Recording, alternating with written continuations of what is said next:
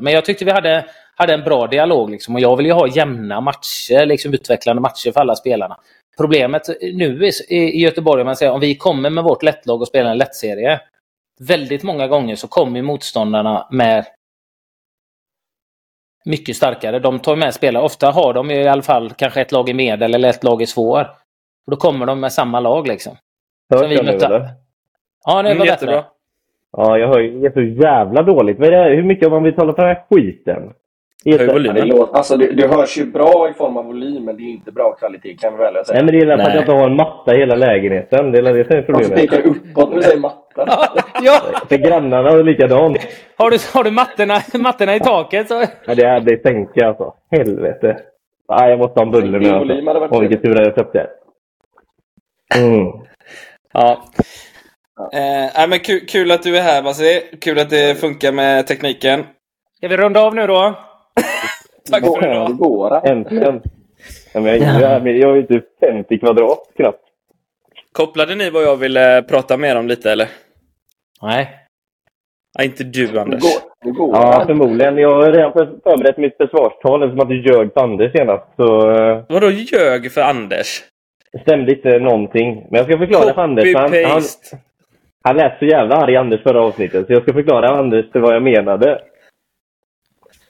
Jag jobbar ja. inte för svensk fotboll. Ja, just det. Vad var det du... Vad var det du... Nej, enligt, ja. enligt, Mac, enligt Det där kan vi ta sen.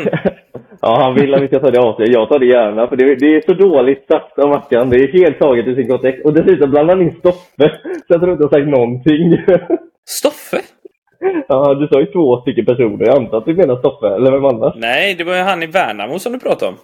Ja, men han, du satt och pratade med båda. Hur fan snackar du med honom? Ja. Inte gött nej, nej, nej, nej, nej, nej. Ja. Nej, men vi, vi drar väl igång tänker jag. Ja. Eller vad känner ni nu när tekniken funkar och är med oss så kan vi passa på att försöka spela in eh, något matnyttigt överhuvudtaget. Eh, tänker jag. Eh, så vi säger varmt välkomna till Skillspodden från fotbollsfamiljen Lindström. Kristoffer Lindström och Sebastian Lindström. Varmt välkomna!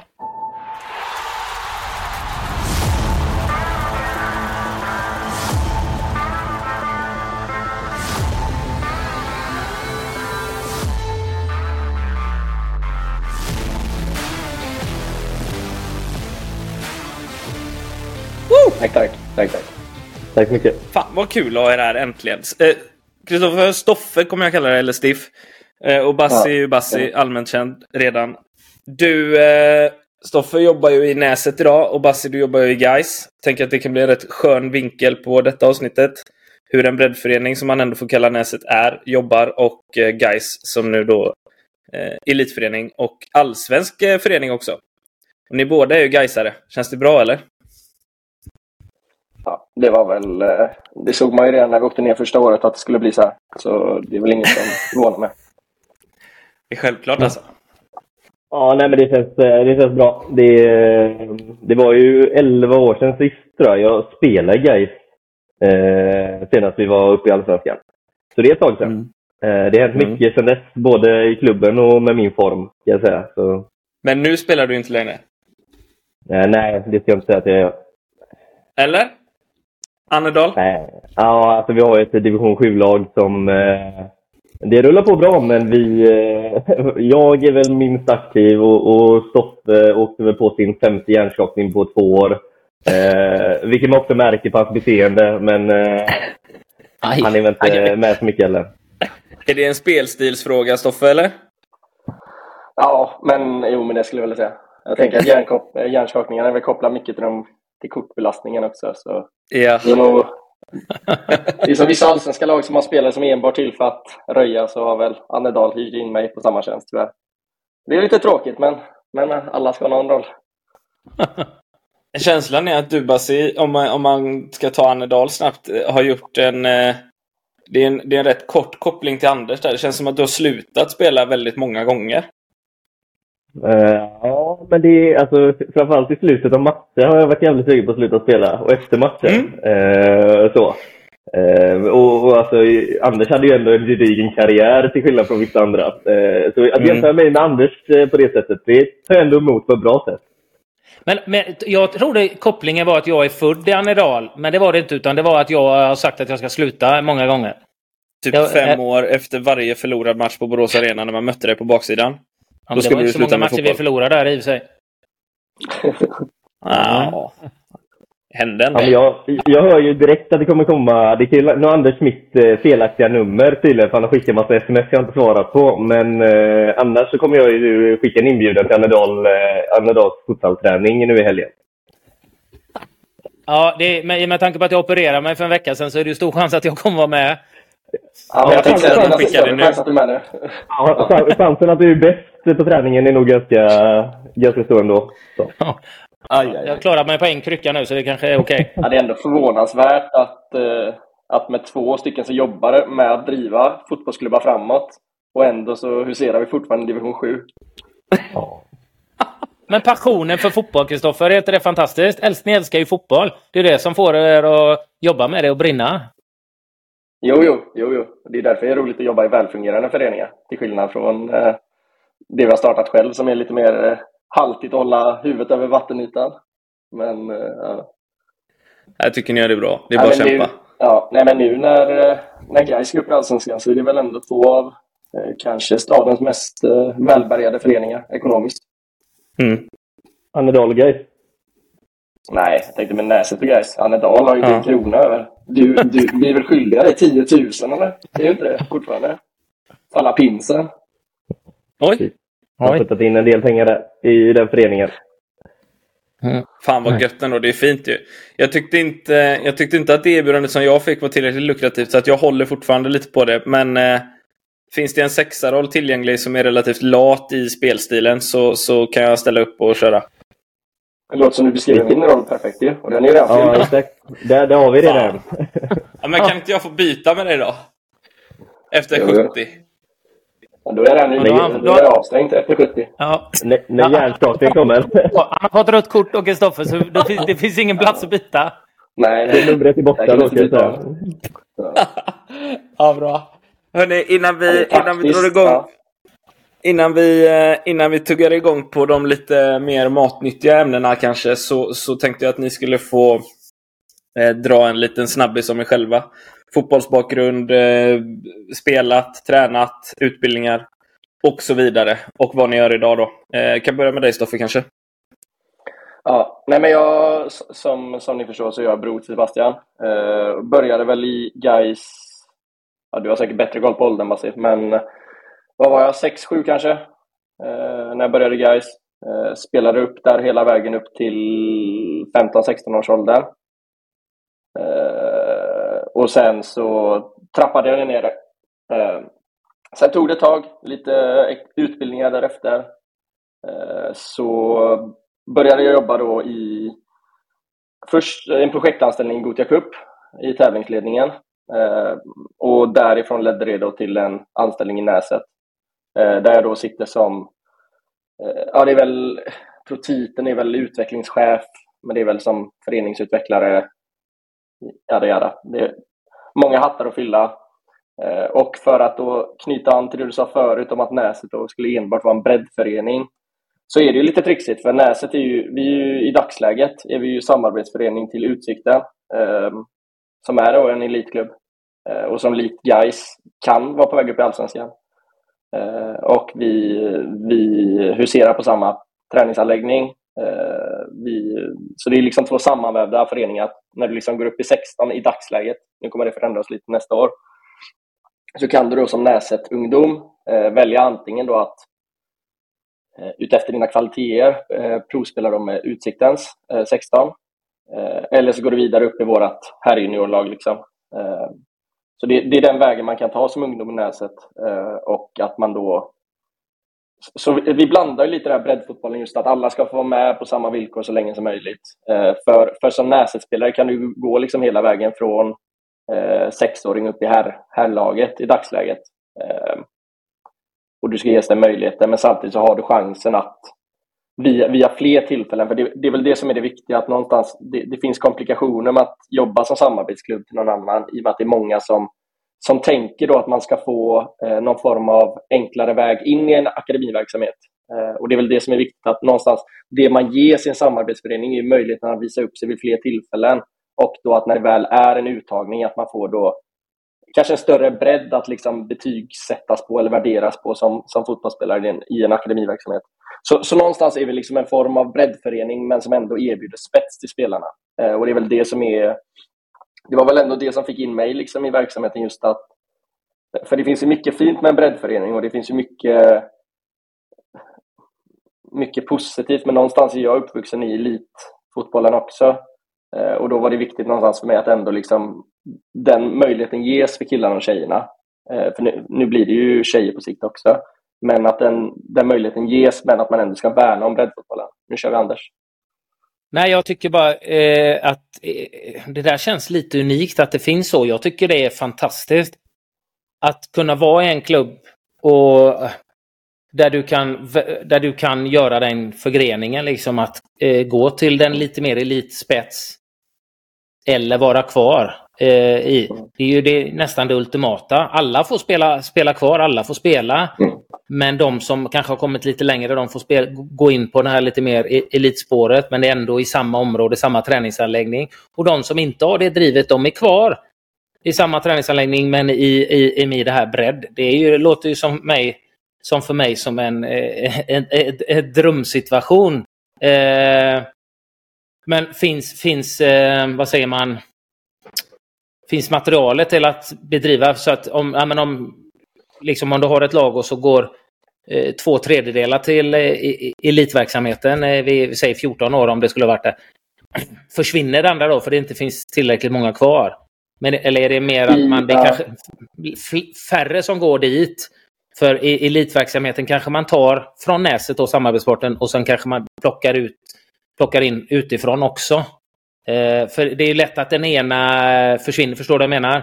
Att den, den, ena försvinner. Kan man ha båda hela tiden eller så länge som möjligt så är det ju fantastiskt ju. I dagsläget så har vi ju i avtalet, ska vi säga så jag inte säger något fel nu, men så har vi liksom en maxgräns på, på spelare som, som får eh, rekryteras i fel ord, men liksom att vävas in i Utsiktens verksamhet för att just inte kunna förstöra våra kullar. Eh, så det kan liksom inte komma tio spelare från ett lag till Utsikten från vårat, eh, för då förstörs ju verksamheten. Eh, så i dagsläget har vi två till tre. Eh, så, så det är målsättningen framöver och någonstans har det ju varit just där när du går upp i 16 eh, så har du kunnat välja Utsikten-spåret eller liksom gå upp i herrjunior och i herrjunior har vi ganska mycket eh, vi har ganska stort deltagarantal i herrjunior och därav blir själva klyftan liksom gå upp i Utsikten 16 eller att gå till herrjunior, den blir inte så kostsam för oss i och med att vi inte har ett, Eh, ett 16-lag själva. Ehm, så, så det, den är ganska smidig där. Nu, nu blir problematiken och det, det som vi jobbar mycket med är ju Inför nästa år så kommer ju då Utsikten eh, öppna upp fler ålderskullar eh, och även på tjejsidan och jobba lite längre ner eller lägre ner i åldrarna och där kan det ju då, som du säger Anders, bli kostsamt just om det försvinner en hel, en hel kull från liksom flickor 10. Eller försvinner liksom 5-6 så räcker det liksom för att förstöra en åldersgrupp. Eh, så det, det är lite det vi sitter i dagsläget, liksom att det här ska gynna båda parter liksom utvecklingsmässigt. Och någonstans vill jag ju få det till att på samma sätt som att vi då eh, vi får in spelare i Utsiktens verksamhet så vill jag då att de de spelarna som är på väg ut ur Utsiktens verksamhet ska då få en, en, ett, en, en, enklare väg tillbaka in i vår verksamhet så att du kan liksom komma du har testat på Utsikten-vägen, akademispåret. Du känner så här, ja, men efter några år, det här var inte riktigt det jag ville. Eh, det passar inte upp med min livsstil eller eh, mina visioner. Ja, men då kan jag gå tillbaka och spela eh, herrjuniorfotboll för Näset eller herrfotboll för Näset eller dam och, så vidare.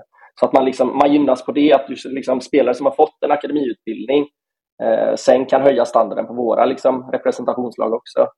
Eh, och det är väl det som just får upp det pusslet också. Liksom. Följer det ja. samarbetet över även i, i träningsform så att säga? Alltså kan man gå upp och, om vi, om vi nu ska säga att man går upp till Utsikten då, eh, liksom rent prestandamässigt, kan man varva sig in i träningar hos Utsikten och sen tillbaka in i näset igen? Eller hur jobbar ni där? Eh, vi har ju haft nu, eh, nu är jag ju relativt ny i verksamheten, jag kan inte svara på förra, men vi har haft lite att du testar på liksom att, att under, under vissa perioder nu, i och med att det har varit vårt P08-lag som ska upp dit, eh, så har vi haft, i och med att det är en ganska stor grupp, så har de liksom fått testa på perioder att träna med Utsikten. Att man slussar liksom spela och rotera på det, någon form av rotationsschema. Eh, just för att alla ska få möjligheten att visa upp sig när det väl är dags för liksom att eh, Utsikten ska, ska ta över spelare liksom, eh, till deras verksamhet. Eh, så, så någon form av rotationsschema har vi haft just för att alla ska få möjligheten att, att visa upp sig. Och det kan ju vara olika. Vissa kanske har haft en jättebra utveckling på höstsäsongen eh, som kanske inte var där vårsäsongen. Eh, och då, då har du liksom hunnit visa upp det över ett bredare spektra och även i matchform liksom när, när Utsiktens tränare är där och kollar. Liksom. Eh, så någonstans är det ju det är väl det som är huvudsakligen tanken med samarbetet, just att det ska inte vara två träningar där man får visa upp sig på liksom, efter säsong. Jag var ju själv på en Utsikten-träning när jag var ung. Det är svårt att liksom visa upp. Eh, det kan vara skador, det kan vara allting. Liksom. Eh, du ska tajma in eh, exakt två träningar som funkar. Liksom. Så någonstans är väl det tanken och att just få den här rotationsträningen upp, att få, få köra någon träningspass med dem. Liksom. Att se utvecklingen lite mer över tid istället för två enskilda tillfällen. Ja, jag fattar. Mm. Snyggt. Fan vad nice. Vi kommer säkert komma in mer på det. Men innan det går för lång tid så ska Bassi också få presentera sig. Lite kort. Eller långt. Välj själv. Ja, nej, men jag tänkte bara tillägga det. Kristoffer har ju också en gedigen utbildning inom eh, ekonomi eh, som är liksom grunden till fotbollsbiten också. Den ska icke förglömmas. Eh, för jag tror att det blir större och större i fotbollsvärlden idag att man eh, eh men man behöver utbildningar och man behöver eftergymnasiala utbildningar i form av universitetsutbildningar för att lägga en, en grogrund för att vi ska ha så bra utvecklingsmiljö som möjligt.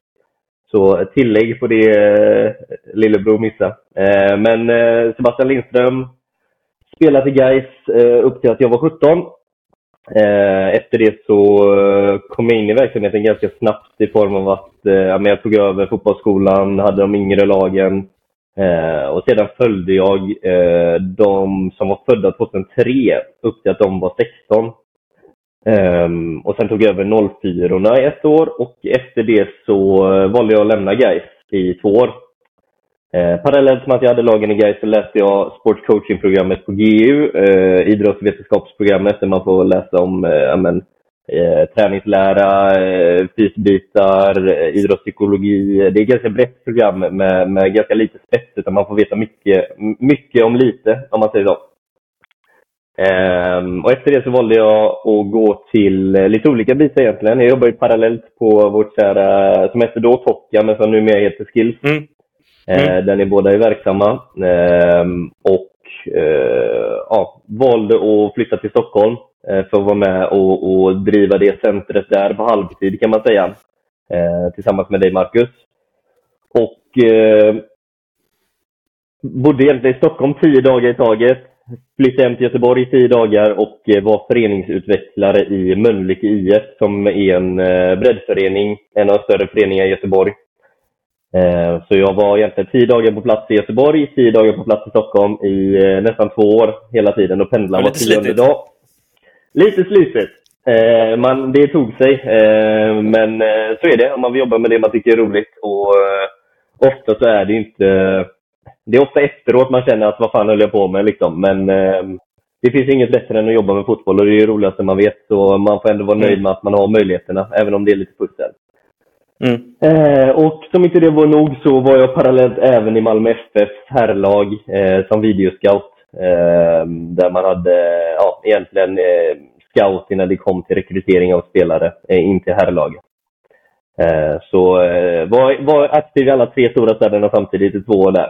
Eh, mm. Även om jag inte började vara på plats i Malmö så ofta så var det en del en del besök och så här, jag tror jag hann med två besök på, på ett år där. Eh, så det var mm. lite, lite körigt, men så är det. Eh, och nu tillbaka mm. i Gais sen februari som akademichef. Mm. På heltid. Just det. Vad är det du nämner med Stockholm, Göteborg och Malmö. Tar du med dig någonting av det? Såg du några liksom skillnader, likheter i sättet att jobba bland föreningarna och sådana här saker?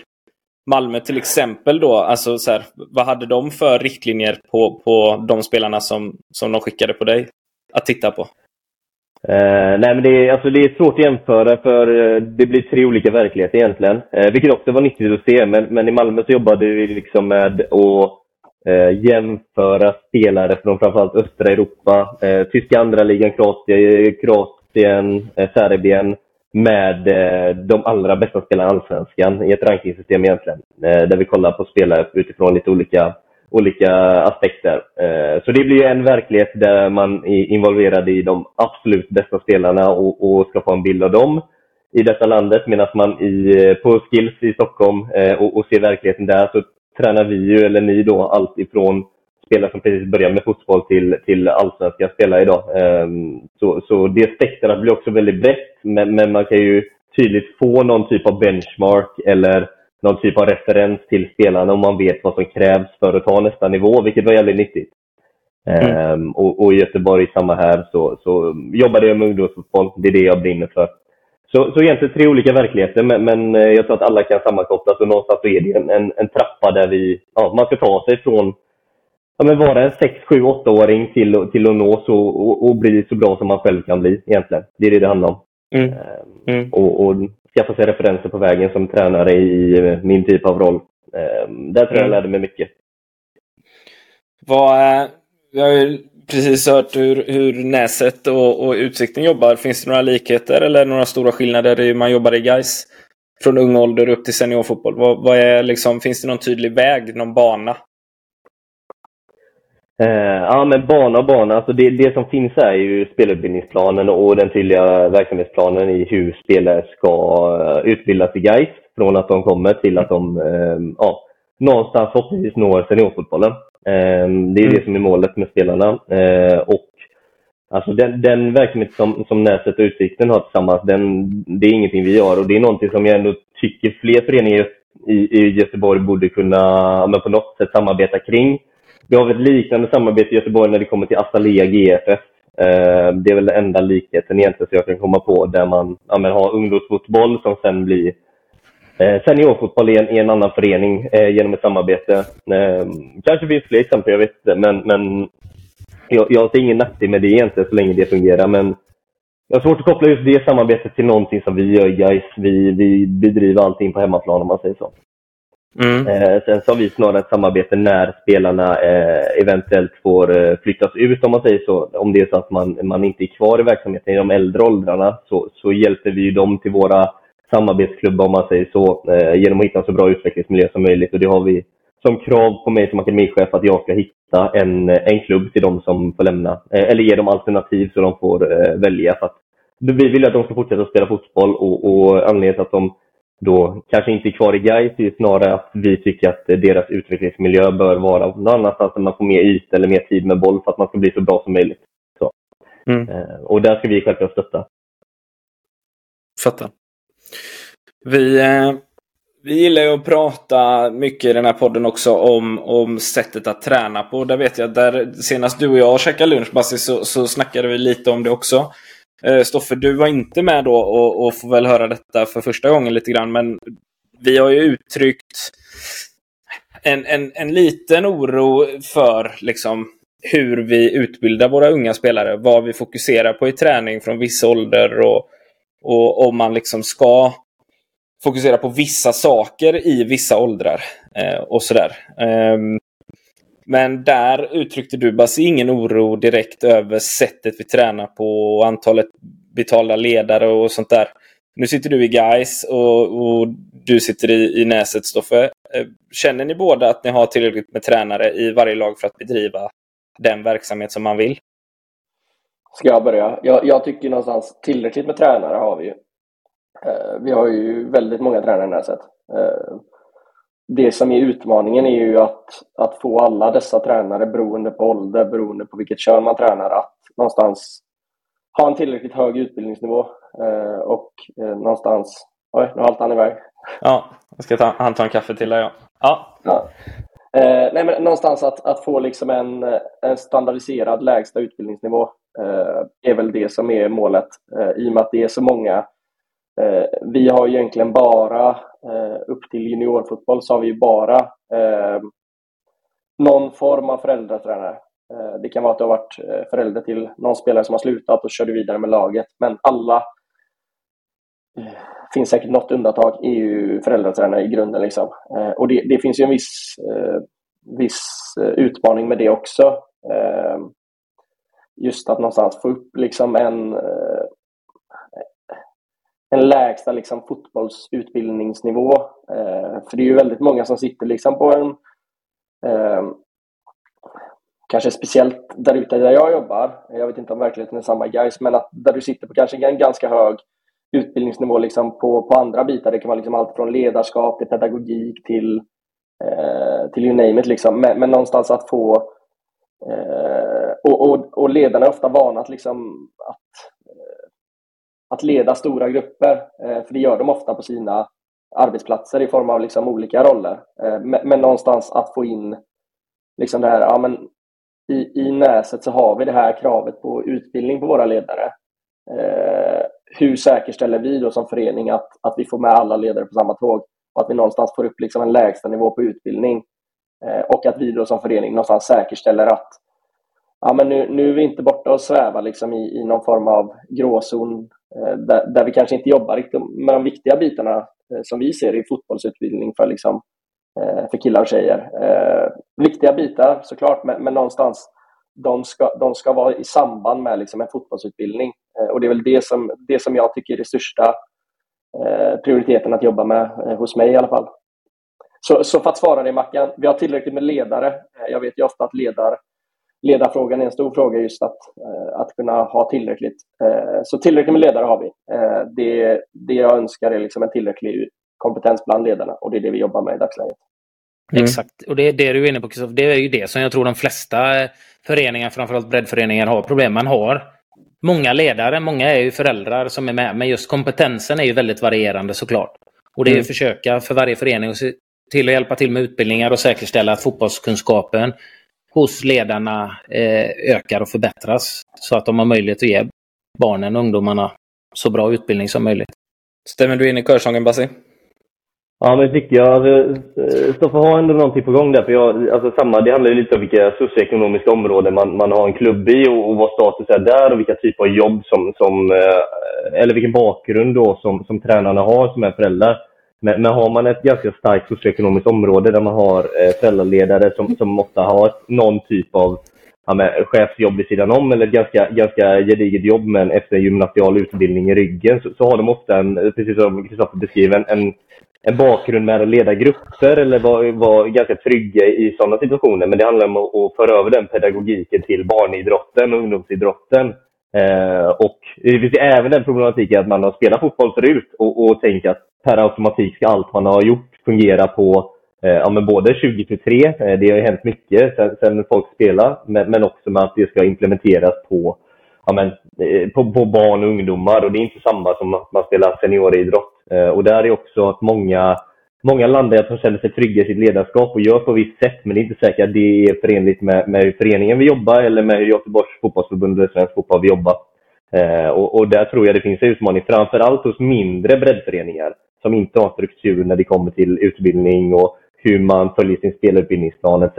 Eh, så. Mm. Det, det, är väl det, den frågan jag ja, men brinner. Jag sitter i föreningskommittén i Göteborgs fotbollsförbund också i mitt egna namn om man säger så, inte i Gais namn. Eh, och där mm. är det en sån, del sådana frågor som jag brinner mycket för i diskussionerna. Eh, mycket inspirerat utifrån era diskussioner också faktiskt, ska sägas. Jag tar med mm. mig många av de bitarna in där. Men det, Fan vad fint! Det du, det du nämner där Sebastian tycker jag är rätt intressant också. Jag menar, eh, jag tar mig själv som exempel. Jag har ändå spelat i, i landslaget i massa år och, och, och liksom utomlands och, och på, på, absolut högsta nivån. Och liksom, jag kan det här, jag kan fotboll. Men det är ju något helt annat att kunna lära ut. Bara för att jag var duktig på att spela fotboll innebär ju inte det att jag kan lära ut.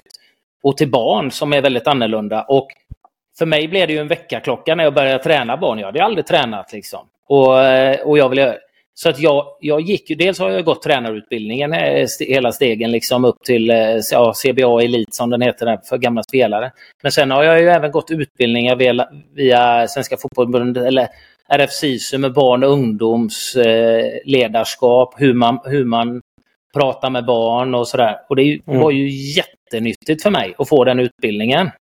Hur man jobbar. För det, det, det är ju som du säger, bara för att jag spelar på högsta nivån så innebär inte det att jag kan lära ut de utbildningarna var, tyckte jag, super för mig. Mm. Hade det, hade det, vi har ju pratat tidigare om att, om att det borde vara... Eh, jag menar, förbundet vill ju säkert också att svensk fotboll ska gå framåt på ett eller annat sätt. Eh, beroende på vilken väg man vill ta. Och det är väl det som är lite otydligt idag från förbundets håll. Men eh, vi har ju varit inne tidigare på att det borde vara och borde finnas helt kostnadsfria utbildningar upp till en viss nivå. Egentligen. Eh, tror ni att det hade varit en lösning? Tror ni att det är görbart överhuvudtaget? Pengar tror jag finns. Det är jag ganska övertygad om. Om jag skulle jobba och vara i Svenska fotbollsförbundet eh, så, så, kan jag tycka att det vore en investering. Att se till att så många, så många eh, ledare i Sverige som möjligt har så mycket, ut, och så mycket och bra utbildning som möjligt. Det vore en investering i svensk fotbolls framtid. Så, så, så tycker jag i alla fall. Sen eh, kanske jag är naiv, jag vet inte, men det, det är vad jag tycker. Det är en kostnad för förbundet att stå för de här utbildningarna, då, att det ska vara kostnadsfritt. Men samtidigt kommer det ju generera i bättre, bättre utbildade svenska fotbollsspelare. Så, det, så, så tänker jag. Men som kommer upp i allsvenskan, eh, damallsvenskan, som går utomlands för lite större pengar. Eh, förbunden kan anställa lite fler förbundsfolk om de nu skulle vilja göra det. Eller så kan man återinvestera pengarna i klubbarna igen. Exempelvis. Lite så. Ja, Bara en, tänker, en, passus här. Mm. En passus innan du uh, kör igång Sebastian, för att klippa bort Marcus. Bli inte störda om jag ställer mig upp och sådär ibland. Det är bara att jag, ibland kan jag inte sitta och då måste jag röra på mig för benet verkar. Så ni inte tror att jag är ointresserad. Eh, nej, men bara för att fortsätta på det, på det Anders nämner lite och, och, lite tillbaka till det vi hade nyss där kring utbildningar så tror jag att eh, Alltså det, självklart ska vi vara utbildade ledare och det är jätteviktigt att vi får ut utbildningen. Eh, jag har väl inte personligen sett något, något eh, Eh, alltså så här, det, det, finns i dagsläget krav på att man ska ha utbildning på ledare för att anmäla till seriespelet. Eh, så jag tror det, det, det kanske inte är hela lösningen, men jag vet att vi, vi är en god bit på vägen när det kommer till hur man kan Eh, med både, både tvinga fram utbildning om man säger så till ledarna men, men också skapa möjligheter. Så jag, jag, tror inte problemet egentligen är det. Jag, jag tror snarare man ska lyfta diskussioner kring vad innehållet är i utbildningarna och vilket behov som finns i, mm. bland de olika tränartyperna. Där man har, ja, vi har den tränartypen, eller de tränarna som har en eh, gedigen fotbollsbakgrund och vet vad träningsinnehållet ska vara. Men kanske snarare behöver organisatorisk hjälp kring hur hanterar man grupper på 60-70 barn hur delar man upp mm. detta? Hur, hur bråkar man med problematiken kring små planytor? Om det är den problematiken man har hemma eh, i sin hemmaförening, eh, vilket är ett jättestort problem i Stockholm exempelvis och vissa delar av Göteborg. Hur löser man det rent organisatoriskt? Eh, mm. och, och strukturera upp det och, och, jag vet att alltså så här, hur, en, en, fråga jag tycker är ganska viktig som, som är liksom en het potatis ofta, inte i min hemmamiljö om man säger så, men, men i andra föreningar är ju hur nivåindelar man på ett sätt för att alla ska trivas och ha det så bra som möjligt? Och hur mm. kan vi från ja, men Göteborgs fotbollsförbunds sida men också Göteborgsfotbollen liksom rama in eh, nivåindelningen eller nivåanpassningen på ett sätt så att det inte ligger hos den enskilda ledaren. Eh, för det är det man vill så lite mm. som möjligt. Det är, det är ju ledarinitiativ som går fel som ofta exemplifierar de, de sämsta exemplen om man säger så. Eh, vi vill ju kunna mm. ha det på ett... För det är inget fel på idén att hitta nivåer för alla barnen så att de trivs och kan utvecklas så bra som möjligt. Det är ju snarare exemplen när det inte fungerar som lyfts upp på ett dåligt sätt.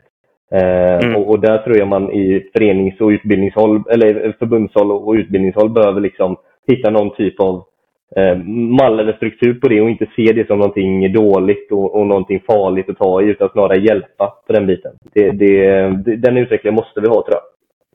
Men tror ni ändå inte att, eh, att för rätta mig om jag har fel, jag har inte full koll på utbildningarna. Det, det har ni bättre koll på än jag. Men det är väl bara en viss utbildning som krävs för att du ska få anmäla ett lag till seriespel. Egentligen. Så är det, men det finns ganska många olika typer. Vi har idag workshops 3 mot 3, 5 mot 5. Eh, det finns även 7 mot 7 och 11 mot 11 tror jag. Eh, men som är workshops där du får lära i spelformen. Mm. Sen så finns det även de vanliga FAD, C, B, B ungdom och så vidare. Eh, och, mm. jag säger inte emot det, jag säger bara att det, det finns några alternativ och, och, jag tror inte kostnaden är det större problemet. Jag tror snarare att det, ja, kanske borde finnas en högre kravställande på att ledarna ska gå den. Eh, för jag tror föreningen absolut har råd med det. Eh, det tror jag inte är dilemmat. Och, och ha liksom grundutbildning för att alla ska fatta det. Ja, men det jag, det, nej, jag, och jag köper det. Men det jag menar är bara så här, hade inte de pengarna, även om klubbarna har råd med det, hade inte, hade inte klubbarna kunnat använda de pengarna på ett bättre sätt om förbundet valde att investera så som Anders säger? på det sättet. Att se det som en investering och inte se det som en kostnadsfri utbildning istället. Mm. Hade inte klubbarna kunnat ge, ja, arvodera sina mm. tränare istället då? För att någon behöver sticka tidigare från jobbet också... eller vad som helst. Ja.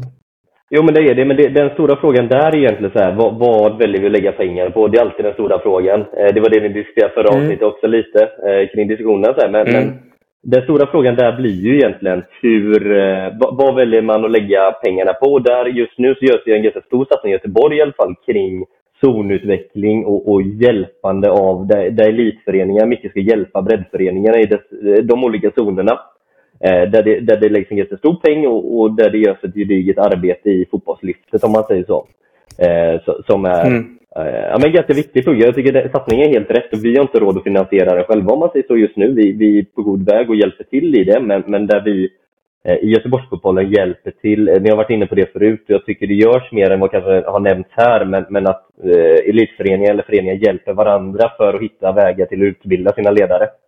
Eh, mm. Och, och, där finns det ett zon, zonsamarbete om man säger så, där exempelvis Häcken hjälper till på Hisingen i Göteborg. Eh, Gais, vi har den centrala zonen med de centrala klubbarna. Örgryte har ut mot Mölndal, tror jag, även Härryda. Så man har sina områden där man hjälper till att utbilda ledare. Eh, och även ger inspiration till träningar och så. Det blir elitklubbarnas ansvar att utbilda och hjälpa till i breddföreningarna då helt enkelt. Även om du inte gillar att kalla Näset för en breddförening då kanske, eh, Stoffe. Men, men hur ser du på ett, på ett sånt eh, alltså zonsamarbete eller zon, zonutbildningsarbete? Uh, I Näset så, så har vi ju en liten annan verklighet kanske många, många klubbar. Vi har ju det att, att vi har, uh, nu går jag upp och blir Eh, tillräcklig utbildning för det också. Men, men, vi har i Näset har vi två stycken som är, som är tillräckligt, tillräckligt utbildade för att utbilda andra ledare. Eh, så vi kommer kunna bedriva ganska många tränarutbildare, eller tränarutbildningar själva. Eh, och någonstans så, så tror jag också, men det är också en ekonomisk fråga, men har man tillräckligt med resurser på plats för att kunna liksom sköta sådana saker så tror jag att man som förening kan, kan sköta ganska mycket av den här kravställan på tränarutbildningar eh, själva.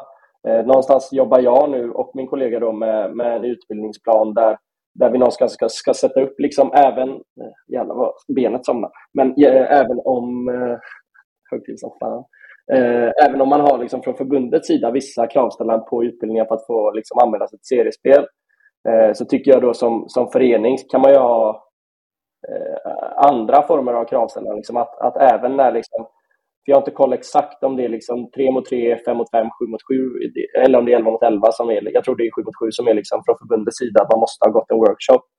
Eh, men jag menar när du går upp i 11 mot 11, så, så här, du kan liksom, jag tycker att man kan ha högre krav som förening på utbildning än liksom gått en 11 mot 11 workshop för att liksom kunna vara en, vara en ledare i en förening som vill framåt.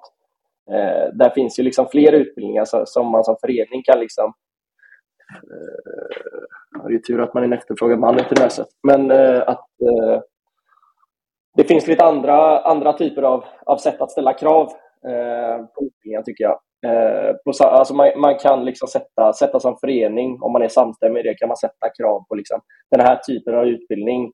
Alltså lägsta nivå tycker vi att en ledare i 11 mot 11 ska ha. Eh, och där tycker jag att man kan, alltså, så länge man som förening kan leva upp till att erbjuda eh, tränar de här utbildningarna så tycker jag att man kan vara ganska hård i det. Alltså, någonstans det är ju det är ledarna som, liksom, som sköter det dagliga arbetet ute på planerna. Eh, jag kan som liksom, föreningsanställd kan jag liksom bara sköta att, att ge ledarna förutsättningarna eh, rent liksom materiellt, utbildningsmässigt. Eh, alltså att, att kunna bedriva sin utbildning. Men någonstans är det, det är de liksom som sköter fältarbetet. Eh, och där någonstans så måste vi då, för att jag ska kunna säkerställa då att det, det som sker på plan är tillräckligt för att, liksom, för att nå den utbildningsnivån som vi vill åt, eh, så tycker jag att man kan vara ganska hård i kravställan liksom på, på, på våra ledare. Alltså vilken nivå. Det behöver liksom inte vara förbundet alltid som sätter kravställan. Eh, de har ju en viss kravställan, liksom lägsta.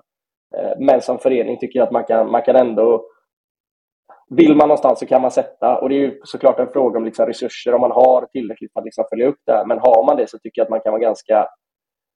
Man kan ha lite högre målbild än vad förbundet har på utbildningar på ledare, eh, tycker jag. Tycker ni, tycker ni det är bra att föreningarna har den friheten? Att bestämma det själva? Eller borde det finnas en tydligare styrning från förbundet? Jag tror att, alltså, vi måste också inse i Göteborg att vi har eh, många olika verkligheter. Vi har inte bara elit och bredd, utan vi har olika delar av breddfotboll också. Det var föreningar som Mölnlycke, Näsen, det blir väldigt Göteborgsbaserat. Men vi har stora, mm. gedigna föreningar som har väldigt välutbildade ledare. Eh, väldigt, väldigt många ledare. Vi har eh, en struktur i föreningarna där man kan utbilda ledarna själva. Och, och jag tror någonstans vi måste också inse att det, det, är liksom inte svart eller vitt i den här frågan, utan det finns liksom eh, mm. grader på den här skalan där man Eh, ja, men som en förening som Näset eller Mölnlycke eller eh, vad har vi mer för Hovås, Bildal är en stor förening. Där, där vi, eh, och Kviding är ett jättebra exempel också, där det finns en gedigen förening i grunden som, som kan trycka på detta lite själva.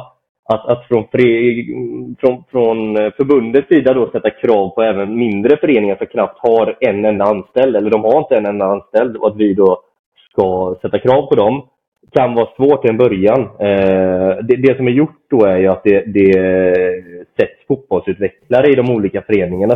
Så strukturen är egentligen att det finns zonutvecklare eh, som hjälper eh, fotbollsutvecklarna. Så det ska egentligen finnas en fotbollsutvecklare i varje förening i Göteborg. Mm. Fotbollsutvecklarens eh, syfte och mening egentligen är ju att eh, utbilda föreningen, hjälpa till att ta kontakt med zonutvecklaren för att kunna utbilda ledarna vidare. Men det måste också finnas en, en eh, så pass mogen förening eller struktur i föreningen att man kan ha en fotbollsutvecklare i föreningen, om ni förstår mig. Det är inte så att man blir rik på att vara fotbollsutvecklare, utan det är en, om det är 15 000 om året eller vad det är. Eh, så, så eh, det är en väldigt liten tjänst som man får lägga på någon som förmodligen redan har ett stort ansvar i föreningen. Och där tror jag snarare utmaningen, utmaningen att vi har så många olika verkligheter i Göteborg och, och, det är inte svart eller vitt, utan eh, Anders Öjesjö är en utmaning. Vi är en utmaning i hur vi vill utbilda och hjälpa föreningar runt omkring oss. Näset har en utmaning, eh, alltså, och, och, det finns föreningar som har 60 barn totalt, som har en helt annan utmaning mm. också. Så, så, vi måste nog se till, i alla fall i Göteborg, och, och det är säkert liknande i andra delar av landet, vi, vi måste se till utmaningen som, som diverse föreningar har. Liksom. Mm. Eh, om vi, att, om, vi eh, utgår ifrån ett, eh, om vi utgår ifrån ett spelarutvecklingsperspektiv då, vad ser ni för utmaningar i svensk fotboll idag? För där, där tror jag alla skriver under på att vi har halkat efter. Och då med halkat efter, återigen, vi tar upp det i typ varje avsnitt. Men då, då jämför jag med Norge och Danmark. Och ja, Danmark har i mångt och mycket en mycket starkare ekonomi i i stort sett varje förening i Danmark. Och det är större föreningar i många av, av, av klubbarna. Men det känns ändå som att vi halkar efter utbildningsmässigt på spelarna. Delar ni den uppfattningen eller håller ni inte med alls? Jag vet alltså jag, jag tror det lätta exemplet är att se landslaget alltid. Det är det man känner framförallt. Och ungdomslandslagen också som har det knackigt i vissa avseenden just nu. Eh, men, men tittar man på spelutvecklingen så tycker jag också att det, det nu är jag involverad i en elitförening, men jag tycker att många gör mycket rätt eh, när det kommer till akademierna. Eh, men, men, resultatet av det tror jag inte man ser direkt heller. Jag tror snarare det har varit en problematik som också varit tidigare om man säger så. Eh, medan jag vet att det, det görs ett gediget jobb både hos föreningen men också hos eh, eh SEF och, och, och, hela den biten. Men, men där vi har små problematiker som sätter stopp, bland annat hur vi, vilka möjligheter som ges till att lyfta upp eh, unga spelare i Allsvenskan och Superettan och sådana bitar som eh, ja, jag hade jag haft en lösning så hade jag varit miljonär. Eh, men, men jag har ingen... Mm. Det, det, är snarare sådana små problem tror jag som sätter stopp. Men tittar man på fältet så tror jag många elitklubbar gör mycket rätt. Sen kan många göra det bättre också. Eh, men, men det är ju alltid en balansgång mellan ekonomi, eh, möjligheter och så. Mm. Men du säger att de gör många, mycket rätt nu då menar du kontra tidigare? För det, de har väl inte gjort jättemycket rätt innan med tanke på att det har gått som det har gått? Du menar att man har förändrats, att man gör mycket rätt nu? För jag upplever ju att eh, klubbarna som, som du själv representerar, guys och annat, har, och vissa andra i, i Göteborg som man är insatt i, har kanske inte jobbat klockrent innan, men håller, håller på att förändras och gör saker bättre än man har gjort tidigare. Och det kommer ju ta tid innan det ger resultat såklart. Är det, är, är det korrekt uppfattat, eller? Ja, men, alltså, precis. Och, förklaringen är egentligen att både vi, vi som land och, och det, har, det har kommit en tydlig struktur kring hur vi ramar in träningen och vilka krav vi ställer på träningen också. Både gentemot certifieringen men, men seriemotståndet och nivån på elitklubbarna. Att det gäller att göra saker bra för att hänga med också. Så, så ja, delvis eh, så som du säger Anders, att vi, vi, det, det utvecklas hela tiden och, och vi tar nya steg och jag tror att det framförallt har, har kommit fram nya minimikrav på, på akademierna när det kommer till hur man ska jobba och strukturerat lite från svensk fotboll kring hur vi faktiskt i Sverige vill, vill dra fotbollsutvecklingen åt ett och samma håll. Eh, det tror jag har blivit mycket bättre eh, från det hållet, utan att ha insikt i hur det var.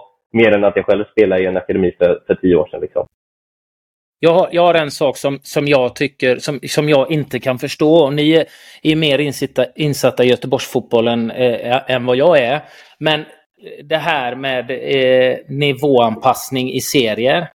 Eh, här har jag ju stångats mig blodig med Göteborgs fotbollsförbund som inte tycker om mig och inte svarar på mina mejl längre direkt. Det är intressant men... att du tar upp det. Vi har inte haft med det i så många avsnitt faktiskt. nej, men det var säkert två, tre avsnitt sen. mm. Men, nej, men just det här med att man inte nivåanpassar eh, få nivåanpassa serier förrän du fyller 13. Eh, i, i, Göteborg är enda region va, som har det så. Ja, väldigt dålig koll på de andra faktiskt. Ja. Eh, ja, men det, för jag vet, mm. ja, när jag pratar med andra områden, både uppåt i landet och neråt i landet, så blir de förvånade över det.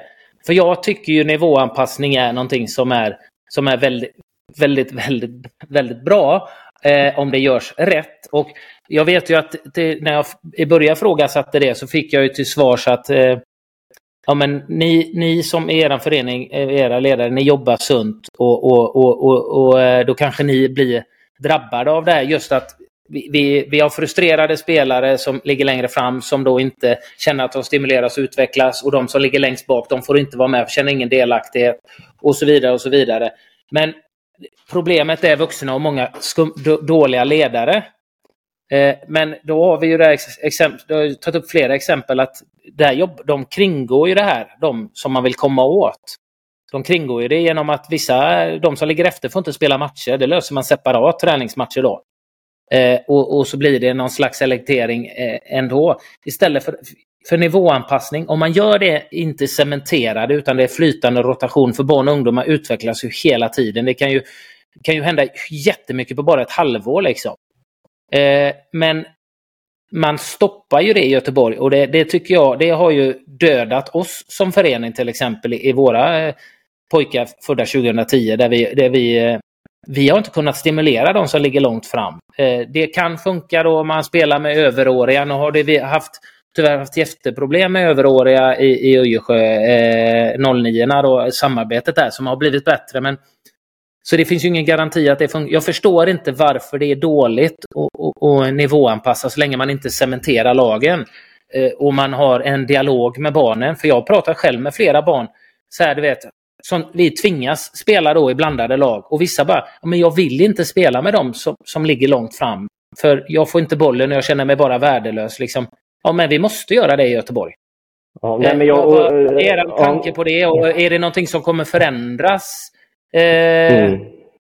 Eller vad nej, tror men jag, ni? Jag, nej, men det var lite så jag startade där förut, Anders. Jag tror att vi har haft en, en historia i Göteborg med att vi knappt vill ta i ordet nivåanpassning. Alltså för det första så mm. är, har fotbollen inte varit mogen, mogen nog att förstå skillnaden mellan toppning, nivåanpassning och, och den, den, eh, något äldre generationen, eh, om man får generalisera, förstår inte skillnaden mellan toppning och nivåanpassade. Toppning, så som det var på min tid om man säger så, var ju att man bara satte de bästa och de fick spela hela tiden. Det har vi kommit ifrån för länge sedan i 99% av alla fall. Där, där är vi ja. liksom inte längre. Eh, där vi är nu blir en nivåanpassning och att barnen ska hitta en nivå som själva, där de trivs så mycket i sig själva och i fotbollen som möjligt. Det, det, det, det måste vi våga ta i, det begreppet. Eh, men där har vi inte riktigt Göteborgsfotbollen vågat ta i det heller. Utan vad nivåanpassning betyder för många är fortfarande någonting negativt. Att man sätter de bästa där och de, de som ligger längst bak där. Eh, så är inte heller verkligheten, utan det ska finnas en stimulans för barnen där man hittar en nivå som, där de själva kan utvecklas så mycket som möjligt. Det, det finns det är ingen bestraffning, det är ett gott syfte. Så jag tror att steg nummer ett är att vi i Göteborgsfotboll måste hitta verktyg för att utbilda ledare i hur man gör detta. Mm. Eh, för precis som du säger, det kommer alltid finnas några rötägg som hittar sina egna lösningar. Eh, och, och, de kommer finnas där oavsett hur mycket man utbildar. Det, det är snarare så att förbundet får, får liksom lösa det, eller klubban själva får lösa det. Eh, men sen finns det också eh, problematiken i att det inte finns någon utbildning kring hur man gör detta på bästa sätt och många för, förväxlar toppning med nivåanpassning och så vidare. Så ja, ja, jag tror det finns en stor problematik där, men jag tror också det, det finns ganska enkla medel att lösa detta med. Eh, det tror jag. Tror jag. Och det första, första steget är precis som du säger. att få folk att förstå att det är en jätteskillnad på toppning och nivåanpassning. För Mm. direkt när jag pratar, med, eller jag pratar om nivåanpassning, så aha, ska ni bara fokusera på de bästa? För det, Mm. det, det är det gamla, liksom att man tror, säger man nivåanpassning, då är, det, då är det samma som toppning. Men det är ju något helt annat. Nivåanpassning är ju precis som i skolan. Det är ju att man anpassar efter individernas behov och, och liksom för att de ska känna, det, det, är ju dels för att kunna utveckla dem så mycket som möjligt, men dels för att få dem att känna delaktighet och glädje så att de har kärleken till, till sin idrott kvar, till fotbollen kvar, så att de fortsätter spela. För du tappar ju, som oss breddförening, när vi inte kan nivåanpassa, vi tappar ju de som är drivna Ja. eh, och vill mer. Men vi tappar ju också de som känner att de inte får vara delaktiga, de känner ingen glädje. De slutar ju också istället för att nivåanpassa då. Så där är första steget är att, att Ja. våga prata om det. Att det är inget fult ord, det är inte samma som toppning. Det är det Nej, första. jag, nej, men, nej, men helt rätt. Jag tror att, och, och sen så låter det enkelt när, när vi pratar om det här. Jag tror att det finns en ganska stor, eh, ett stort behov av att utbilda ledare i detta också. För hade vi gjort så att vi gör ett, ett, avslag idag och sen 2024 så ska det vara en, en helt annan verklighet. Där är vi inte heller, utan tränarna måste ju få en, en någon typ av utbildning eller riktning i detta, hur man gör detta. Mm. precis som du säger så är det många som inte ens vet hur man nivåanpassar, tror jag. Vilket inte är konstigt, för vi har en... Alltså, det fina med Sverige är ju föreningslivet och hur vi jobbar med föreningar och att det finns en stor ideell kraft. Men, men det, utmaningen då är att vi måste utbilda den ideella kraften i bitarna som svensk fotboll vill, vill ta sig framåt med. Och, och där tror jag vi har ett, ett- stort arbete att göra inom, inom Göteborgsfotbollen i att hur, hur gör vi detta på bästa sätt och hur gör vi det fungerande? Och då hänger detta ihop lite då med den diskussionen vi haft uppe hundra gånger förut med, med serierna och seriesystemet och hur man Mm. eh, kan anmäla lag och så vidare. Men där vet jag av, eh, jag har suttit med på mötena själv, att det är eh, på gång ändringar där också. Ja. Så. Jag kan tänka en mig, sån jag, som jag, har eh, röstat igenom eh, att låsa bara. Så. Ja. Basse men jag- jag- har stått där. jag kan ju tänka mig, jag åker ju runt och föreläser och, och pratar med olika ungdomsföreningar. Och det här är ju en stor, eh, stor diskussion, nivåanpassning, känsligt ämne. Men det är mycket handlar om att det är okunskap. Och folk, som du säger, de vet inte hur man ska göra det på bästa sätt. Och det är, det är de roligaste föreläsningarna att när engagerade ungdomsledare som brinner och lägger ner så mycket ideell tid och vill veta, okej, men om du säger förklara det så, men hur kan vi göra det? Och så från min egna erfarenhet då med, med barn och ungdomar som jag har jobbat med, liksom hur man kan göra det i övningar och, och liksom ändå behålla gemenskapen, att det är flytande, en rotation och så vidare. Det kräver väldigt, väldigt mycket engagemang. Men det finns ju så otroligt mycket engagemang runt omkring i Sverige hos Mm. alla ledare. Så det, det, bara man får kunskapen hur man kan göra det, tips och råd hur man kan göra det. Kan du inte snacka Ja, in nej, mig i förbundet kan jag hålla en utbildning. Lite så, jag sitter där på någon... Nej men bara snabbt instick där Martin innan vi går vidare. Men det finns några utmaningar där också. Det är ju dels eh, så som du säger med att, att det inte ska bli stagnerade grupper. Alltså det får inte vara för ty... Alltså det, det är inte så att man är där eller där om man säger så, uppdelat. Utan det måste finnas en typ av rotation där det finns en morot och en testning att, att barnen får testa på olika nivåer. Det finns ju en vinning att barnen någon gång spelar med en starkare grupp och någon gång spelar med någon som kommit eh, precis börjat med fotboll och, och hittar sin roll där också. Sen så finns det problematik med att man måste ha tillräckligt mycket ledare för att kunna tillgodose alla olika behoven. Alltså man kan följa grupperna och, och ge feedback individuellt, alltså från tidig ålder. Att man ser till, ja men här har vi eh, Marcus Svensson, han saknar eh, den här biten. Han, inte, han börjar precis spela fotboll. Hur Saknar kan han mycket. jobba med sina... Ja, det, han har ju visserligen väldigt mycket att jobba på. Det är ett svårt case här. Eh, Men, men Ja, hur, hur kan... Vilka bitar kan vi jobba med med honom? Och det, det är en ledarfråga och utbildningsfråga där man måste ha, ja, återigen, all, allt kuggar ju samman. Eh, Mm. och, men, men, men att det finns en trygghet i att ledarna liksom har fotbollskompetens nog att kunna ge feedback till alla grupperna så att man inte sätter dem, de ledare som är mest välutbildade på bara den ena gruppen utan de måste också röra sig emellan och, och se alla. Så det, det finns Mm. alltså vissa frågor, det är en ganska stor fråga. Jag tror inte vi kommer lösa den nu, jag tror inte vi kommer lösa den 2024. Eh, men det behöver göras och vågas ta i mer. Eh, Helt klart.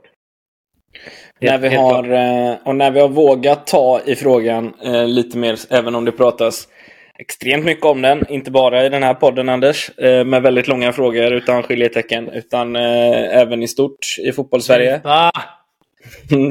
Det är jag som får klippa skiten, men det är bara att köra. Men eh, jag vet inte. Jag benämner ju ibland dig Basis som min eh, statistik och sifferkran ibland. Även om jag också går in och tittar mycket så är du väldigt duktig på att skicka till mig. Och du skickar även eh, intressanta avsnitt från Fotbollsmorgon och sånt där. Eh, och som jag faktiskt brukar följa eh, ändå. Men det var ju en sån gubbe som Alexander Axén var ju inne på och nämnde eh, nivåanpassning i träning i alla fall. Jag vet inte om det bara var träning i och för sig. Jag, jag fattar inte riktigt det. Men där han pratade om din gamla klubb Anders, eh, Southampton. Hur de jobbar med eh, 25-50-25. Har ni hört det någonting eller? Ja. Ja, ja, massa. 25-50-25. Det har vi, har vi inte pratat om det flera gånger? Nej. Förbundet snackar om den också på utbildningarna. Ja. 25 procent med de som är eh, lite bättre, där du går upp en mm. lite högre nivå. 50 procent där du är på den nivån där du är och 25 procent när du eh, kanske går ner och är lite mer dominerande. Då. Så, lite stjärna får vara ja, det nej, också. men lite att du får alla de här delarna. Det är också viktigt, en viktig del i fotbollen. Och om du ligger lite längre fram, att spela med de som ligger efter och kunna lyfta dem och kanske ta mm. mer ansvar. Så, så, det finns många bitar eh, som, som, som, är viktiga. Just därför, som, som Sebastian var inne på, att eh, det är flytande, det är med en rotation. Men då, återigen, då kommer du till det här med resurser. Du måste ha tillräckligt med ledare i grupperna. Du måste kunna ha utbildade ledare som kan se ju. saker. Ja, ja. Eh, men det, det, får, jag bara, det, får jag bara flika in en sak? Gärna. Här? För vi, satt hade, vi hade den frågan eh, igår. Eh, och det är någonstans just att även om du liksom om du har florerande grupper, att du liksom du roterar mellan grupperna som spelare Eh, och att det liksom inte ska vara någon, någon tydlig statisk indelning. Så någonstans, det, det är någonstans viktigt också att ledarna roterar mellan grupper också. För om du har den mest kompetenta ledaren sitter i, i grupp A eh, och du har liksom en helt ny fotbollsmamma eh, i grupp B. Då, då, kommer utbildningen bli högre i den ena gruppen. Eh, och om du då liksom tenderar på att vara i grupp A mer, om det nu ska vara liksom den gruppen Eh, som, som ligger eh, högre i utbildningen, jada jada, och, och den högst kompetenta ledaren ligger där, alltid, då kommer det i sin tur leda att grupp B kommer få en sämre fotbollsutbildning. Så någonstans att, att, att ledarna roterar mellan grupperna är ju lika viktigt som att spelarna roterar mellan grupperna. För, för annars kommer vi inte uppnå det här att vi, att vi erbjuder alla möjligheten till liksom samma utvecklingsnivå. Utan då kommer det egentligen bara vara en parag ett paragrafrytteri att vi liksom ska florera spelarna mellan grupperna. Men, ja, men om, om grupp A har liksom två superkompetenta ledare, grupp B har två stycken helt ny, eh, nya till fotboll, då kommer egentligen tiden som huseras i grupp B för även de här, om vi tänker nu att, att några långt gångna utvecklingsmässigt kommer till grupp B då eh, och ska vara där eh, innan de kommer liksom tillbaka och roteras hela tiden. Då kommer den, den tiden för dem där kommer egentligen bara vara liksom ett sätt för, för liksom på förbundsnivå och säkerställa att, att vi inte har statiska grupper, men det kommer inte ge, ge spelarna någonting. Liksom. Så någonstans att, att vi roterar ledare på samma sätt som vi roterar spelare mellan grupper. Och Det blir också ett logistiskt problem. Liksom, så att ofta har man olika, alltså, olika tider, det ska funka med ledarnas andra jobb och så vidare. Eh, men, men, jag tror det ligger något i det, liksom att, att på samma sätt som att vi roterar spelare mellan grupper, roterar vi ledare mellan grupper. Eh, för, för det är någonstans ledarna som, som, som höjer eh, spelarnas utbildningsnivå. Eh, mm. Och det är vi som förening som höjer ledarnas utbildningsnivå. Mm. Jag håller med dig där, Kristoffer. Jag håller med dig där, Kristoffer. Samtidigt som det blir, kan jag bli ett problem. Jag har kört mycket när vi har nivåanpassat i träning och kör olika grupper. Samma övningar. Jag jobbar alltid med att man gör samma övningar. Så inte mm. någon grupp säger vad gör de för roligt där borta och så vidare. Utan det är samma övningar. Men det kan vara olika eh, restriktioner. Det kan vara att det är en extra passning där borta, det är mindre tillslag. Ja, i, i den svårare gruppen då för att, för att de ska kunna stimuleras. Problemet som jag Färre upplever... När tillslag vi... eller? Mindre tillslag? Det blir jättekonstigt. Hur, hur gör du ett litet tillslag? Ja. Ja, färre, färre tillslag. Men det, det som kan upplevas som problem då man rot, roterar och du har Eh, den svårare gruppen då som ska göra en eh, kanske eh, svår, om de inte får tillräckligt med instruktioner. Tittar du i, i, i, den enklaste gruppen till exempel, där är det, alltså de skiter fullständigt egentligen. De misslyckas med 80 procent av aktionerna. Men de vill känna en glädje och inte den här pressen för att det är när de blandas så, så blir det som frustration från de andra om de gör fel så de vågar inte ens försöka. Och där är det ju ett problem det blir ju också ett problem om du har en tränare som du säger som precis, precis har börjat, inte kan någon fotboll, ska hålla och instruera de som ligger längre fram. Eh, där, där tycker jag, jag tycker att det blir ett problem. Då för, försvinner ju det. Samtidigt som jag tycker det är viktigt att som du säger att, att man roterar. I en optimal värld så skulle du kunna ha en tränare som, som kanske har bäst kompetens, som flyter runt och går mellan grupperna hela tiden och, och, och kan ge lite instruktioner sinsemellan och sen hålla. Mm. Så att, eh, en optimal, men då måste du ha, liksom, om du har fyra grupper så behöver du ha fem tränare. Liksom, eh, förstår du vad jag menar? För det, det har jag upplevt det problemet. Också, liksom, ja. Ja. Nej, kör du. Kör du. Nej, alltså målbilden är någonstans att ha, att, att ha så hög utbildning på ledarna att, att, man, att det här inte är så ett problem. Eh, att, men, men där är vi inte nu, men någonstans är det ju för, för att få våra ledare att, att utvecklas eh, som någonstans är, är eh, fundamentalt för att få våra spelare att utvecklas så är det ju också det att, att som ledare rotera mellan, säg att ni är fyra ledare i ett lag, att rotera liksom två och två exempelvis i grupper eh, och att då samarbeta med med en annan tränare i en annan grupp, alltså att du roterar liksom sinsemellan så. Det kan ju ge dig som ledare möjligheten liksom så här, ah, men nu, nu har jag hamnat i en ny situation här. Eh, nu kanske jag hamnar så, som den mest kompetenta ledaren i gruppen, hamnar jag med den som precis är ny till fotboll.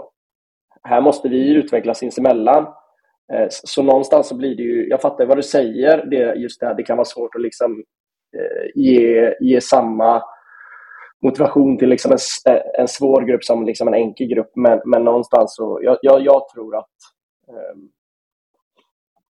i ett drömscenario så, så hade, det varit, hade det varit vägen att göra. Nu är vi inte där rent på grund av logistiska skäl eh, och på grund av liksom svårigheter kring, kring att eh, hålla i de här träningarna. Eh, men det är i alla fall en tanke att slänga ut att liksom rotera tränare på samma sätt som man roterar spelare i grupper tror jag inte är jättedumt på sikt, men då måste vi få upp utbildningsnivån på ledare. Och då är vi tillbaka till den första frågan. Men, men i alla fall, det, det var en givande diskussion igår att sitta med. Ja, men jag tycker mm. det och det viktiga är att vi tar en diskussion om det. Det är ju ett, att vi ser det som, som någonting som vi behöver försöka fixa och det, det går inte på en dag. Det, och liksom att diskutera tillsammans, folk med fotbollsintresse och passion och engagemang. Liksom. Och så komma fram till så bra lösningar som möjligt. Jag tror mm. stenhårt på det du säger också, rotera tränarna i, emellan grupperna. Jätteviktigt också. Nyttigt för både tränarna och spelarna. Absolut. Mm. Och för hela gruppens eh, gemenskap. Mm. Hörrni, vi, har, vi har två punkter kvar som jag vill eh, tackla lite. Jag vet inte hur mycket ni hängde med i eh, jag ska inte kalla det för Twitterstorm, för det blir det fan inte. Men, men det var lite debatt i alla fall om, om eh, den så kallade utvecklingsserien. Eh, U21 senast eh, i seriefinalen mellan Elfsborg och Malmö där eh, många stack ut hakan och, och pratade om eh, lite överåriga spelare i den, i den eh, matchen och i den serien överlag. Eh, hur ser ni på U21-serien i stort? Funkar den bra? Jag tycker den är... Alltså, så här, jag, jag skickade med till dig för att trigga igång dig, för jag vet att du går igång på det. Eh, jag, alltså, mm. I, i Gais så fungerar den ganska bra tycker jag. Vi har, vi har ett syfte med den, eh, med att vi eh, roterar eh, spelare som har sin return to play-period tillsammans, alltså från A-laget, seniora spelare, tillsammans med ungdomar som behöver eh, se och lära lite av de äldre och få motstånd.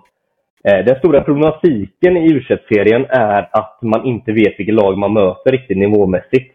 Eh, det, det är min problematik med den serien. Eh, är det så att vi ställer upp med, men vi säger att vi har fyra, fem spelare av de A-lagsspelare som inte fått 90 minuter. någon skadad och sen så att vi ställer upp, och som är överåriga, självklart det är bra att lägga till där, över 21.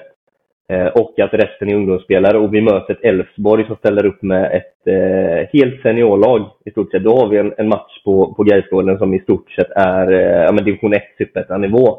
Eh, vilket mm. också var scenario som hände i våras. Eh, och, och, det är ju en grym match för ungdomar att spela. Men, men det är också så här, vad är syftet med serien? Och där har vi nog olika ingångspunkter alla lagen i, i min bild. Utan jag är inte ansvarig för den, utan det har vår övergångstränare i, i Gais. Mm. Men, men jag, jag, eh, jag tror att vi har många olika ingångspunkter och vissa spelar sitt U19-lag eh, bara, rakt av. Och vissa spelar sina seniora spelare som inte får speltid för man har för stora trupper. Vissa spelar sina rehab-spelare som, som är i sin return to play-period och, och vissa blandar. Så jag tror att alltså, seriens syfte är nog inte helt fel, men jag, jag, ja, det, det smakar inte jättegott när man ser att det är liksom 32-åringar som lyfter lyfter pokalen. Eh, så. Nej, men det, det... nej, men, och det, jag, jag, jag är ju inte... I kommentarsfälten, både i ditt inlägg Anders och, och på Twitter, så, så var det ju ganska så breda eh, missuppfattningar i den kritiken som vi försökte rikta lite. Och det handlade ju egentligen inte någonting om spelarna som spelar matchen. Utan det handlar ju, på, det, det handlar ju mer om på vilka premisser spelarna, de överåriga spelarna, eh, spelar en match i U21. Och det har vi ju hört från eh, många spelare som har legat mitt emellan en seniortrupp och en, ett, ett U-lag som har fått till största del spelat U21-matcher där feedbacken är att det är inte match. Det är, det är inte match i de U21-serierna. För att du möter de här return to play-spelarna eller de som inte har fått 90 minuter i A-laget på, på lördagen och så vidare. Så att de, det blir inte match av det. De, många spelare av de seniora spelarna som blir försiktiga, de vill inte dra upp sin skada igen. Eh, det blir liksom inte rätt tempo. Och jag fattar helt och hållet att det är viktigt och nyttigt för unga spelare att spela med mer seniora spelare som har rutin och erfarenhet och har spelat på en högre nivå. Men det måste gå att göra på ett annat sätt. Hävdar jag i alla fall. Jag är, med, jag är helt med Fredrik Wester när han säger att det borde finnas en U23 eller reservlagsserie och en U21. I så fall.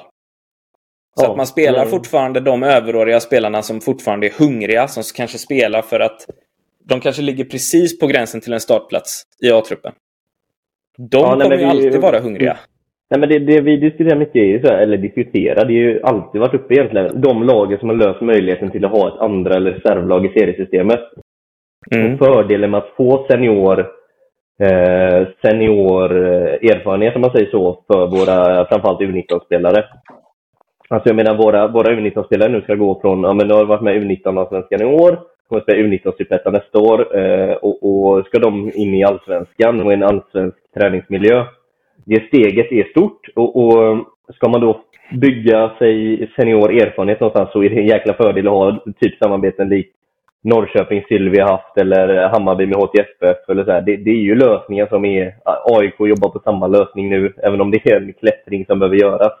Så finns mm. det lag som letar lösningar på detta.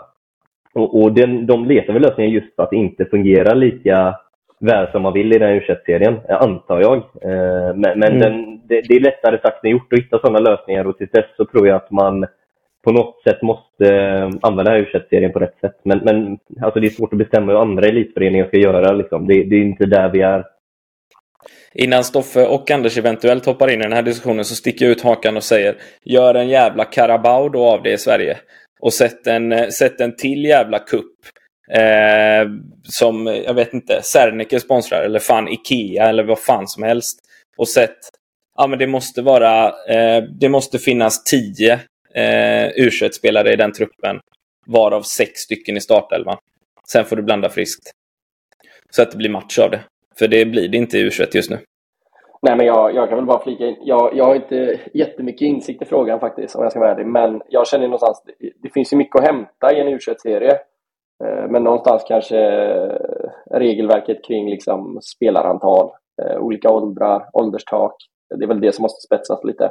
Men jag ser ju någonstans fortfarande nyttan med att ha en serie för, för spelare som, som, som Sebastian säger, som är på väg tillbaka från skada, behöver komma upp i speltid. För juniora spelare som är på väg upp i seniorfotbollen att få, få liksom spela med äldre och på andra villkor. Men någonstans så blir det ju, det blir ju problematiskt när liksom eh, matchförhållandena blir olika från match till match. Helt plötsligt kan du möta liksom ett gäng 32-åringar, nästa möter du liksom ett, ett hungrigt juniorlag. Eh, alltså inte exakt, men du, du fattar vad jag menar. Så någonstans, det måste vara tydliga liksom, kriterier för, liksom, för spel, spelformerna för spelarna, alltså ålderstak och så vidare. Eh, men någonstans, jag, jag, tycker inte den ska bort, för jag tycker det finns mycket att hämta. Eh, men någonstans känns det som att det har spårat ur lite på sistone just med, med ålders eh, aspekterna på spelarna. Mm. Där är väl min take på det. Ja. Anders sitter och, och spelar Candy Crush just nu så att vi, vi får in honom snart igen. Aldrig spelat Candy Crush. Aldrig spelat Candy Crush. Nej, nej. La du ut stryket då? Ha? Nej. Nej, jag insåg att jag skickade ett meddelande när jag försvann förut. Jag skickade ett meddelande till dig, trodde jag. Om mm -hmm. varför jag var tvungen att försvinna. Mm. Eh, på grund av medicinerna. Men eh, jag skickade det till en tränarkollega i Ujjersjö istället. Så det var... Eh, det är bra för honom att veta det. Eh, jag, jag, lys jag lyssnar, men jag måste på toa på grund av medicinerna. Skrev mm. jag till dig. Mm. Eh, det fick han. Så att han mm. undrar nog vad fan det är som händer. Mm. Du ska inte ta de pillren Anders. Alltså, du måste hålla ifrån dem. Alltså. Man hör ju att det börjar sväva iväg. Ja, det är riktigt skakigt just nu. ja. vi, Nej, men... eh, vi måste börja runda av Anders, men mm. innan det så måste Bassi få chansen att eh, ta sitt eh, ett par minuter till, till ett försvarstal då, som han hävdar är. För att jag ska ha citerat fel, vilket jag har jävligt svårt att tro. Ta det här citatet. Eh, jag kommer inte riktigt ihåg det. Jag är ju glömsk. Jag, jag jobbar inte för svensk fotboll. Nej, men jag kan ta det för jag skriver ner exakta citat där. För jag kommer alltid förberedd till sånt här. Eh, vilket jag inte satt ju bredvid och lyssnade. Det var så eh, du sa. Jo, men du hade ju också tre burgare i sätten samtidigt. Så det kan ju blockera dina örongångar.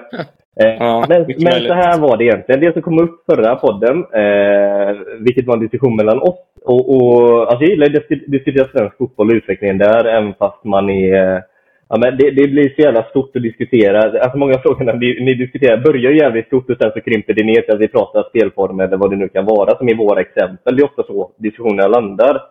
Eh, men, men det som sades förra gången var att eh, jag då enligt citat inte ska bry mig om svensk fotboll. Eh, och det enda man bryr sig om är föreningen man är anställd i. Eh, citat. Ja. Så var det ja, just det. Allt, um, nej, men, och vi börjar där med de citaten, för jag har ett till som jag har dragit ur lite här nu på morgonen innan. Så jag kommer alltid förberedd sådär. eh, så jag har det tagit ett till citat som du inte har sagt alltså? Ja, det, det, är, riktigt, det sista är riktigt fel, för det är inte ens rätt citerat. Men vi börjar där. Eh, det, det som nämndes egentligen är på, på akademichefsträffar och liknande, det som lyfts där är problematiken när vi diskuterar eh, svensk fotboll kontra föreningens utveckling och var man ligger i frågan. ja, han är... Anders haltar nu. Det här är ruskigt bra poddcontent. Men eh, ja, bra. kör Basil. Ja, men var man ligger i frågan och, och, där, där vi som är anställda i en förening har ett... Eh, alltså vårt förstahandsintresse är att föreningen ska utvecklas och gå så bra som möjligt. Det är huvudsyftet. Eh, men med det sagt så, så bryr sig om svensk fotboll. Det är snarare en prioritetsfråga. Det som vi gör i föreningen handlar ju mycket om att förankra till svensk fotboll. Vi blir certifierade. Vi jobbar med 256 frågor eller vad det är kring certifieringen för att vi i föreningen ska jobba på rätt sätt för att svensk fotboll ska dra åt samma håll. Så att, att jag inte ska bry mig om svensk fotboll, eh, det handlar väl snarare om att jag är anställd i en förening, i, eh, i, i en elitförening där vi på, jobbar på vårat sätt vi jobbar på så många bitar som möjligt utifrån våra ekonomiska förutsättningar och våra bitar när det kommer till det. Men, men jag jobbar inte på Svenska fotbollsförbundet, jag jobbar inte på, på något annat ställe. Utan, eh, min prio måste vara hur vi ska utvecklas. Samma som att eh, Värnamos klubbchef ska göra på, på, samma sätt eller Hammarby ska göra på ett sätt. Så jobbar de utifrån sina föreningars förutsättningar. Eh, och att det, det då ska landa i att jag typ hatar svensk fotboll enligt Marcus Svensson. Nej, eh, det sa jag aldrig. Det sa ja, jag aldrig. Enligt Anders tolkning så blev det också så. Och du, ja. Eh, men det var den ena biten egentligen. Och det är viktigt bara att säga så att vi, vi som är i föreningar, det är klart att vi värnar om svensk fotboll på så sätt att vi tänker att den vägen som vi föreningar går är den som är bäst för svensk spelutveckling. Självklart. Annars hade vi inte gjort det. Eh, och det sättet som vi i Gais eller Hammarby eller AIK eller vad man nu är tror är det sättet vi ska få fram flest elitspelare på.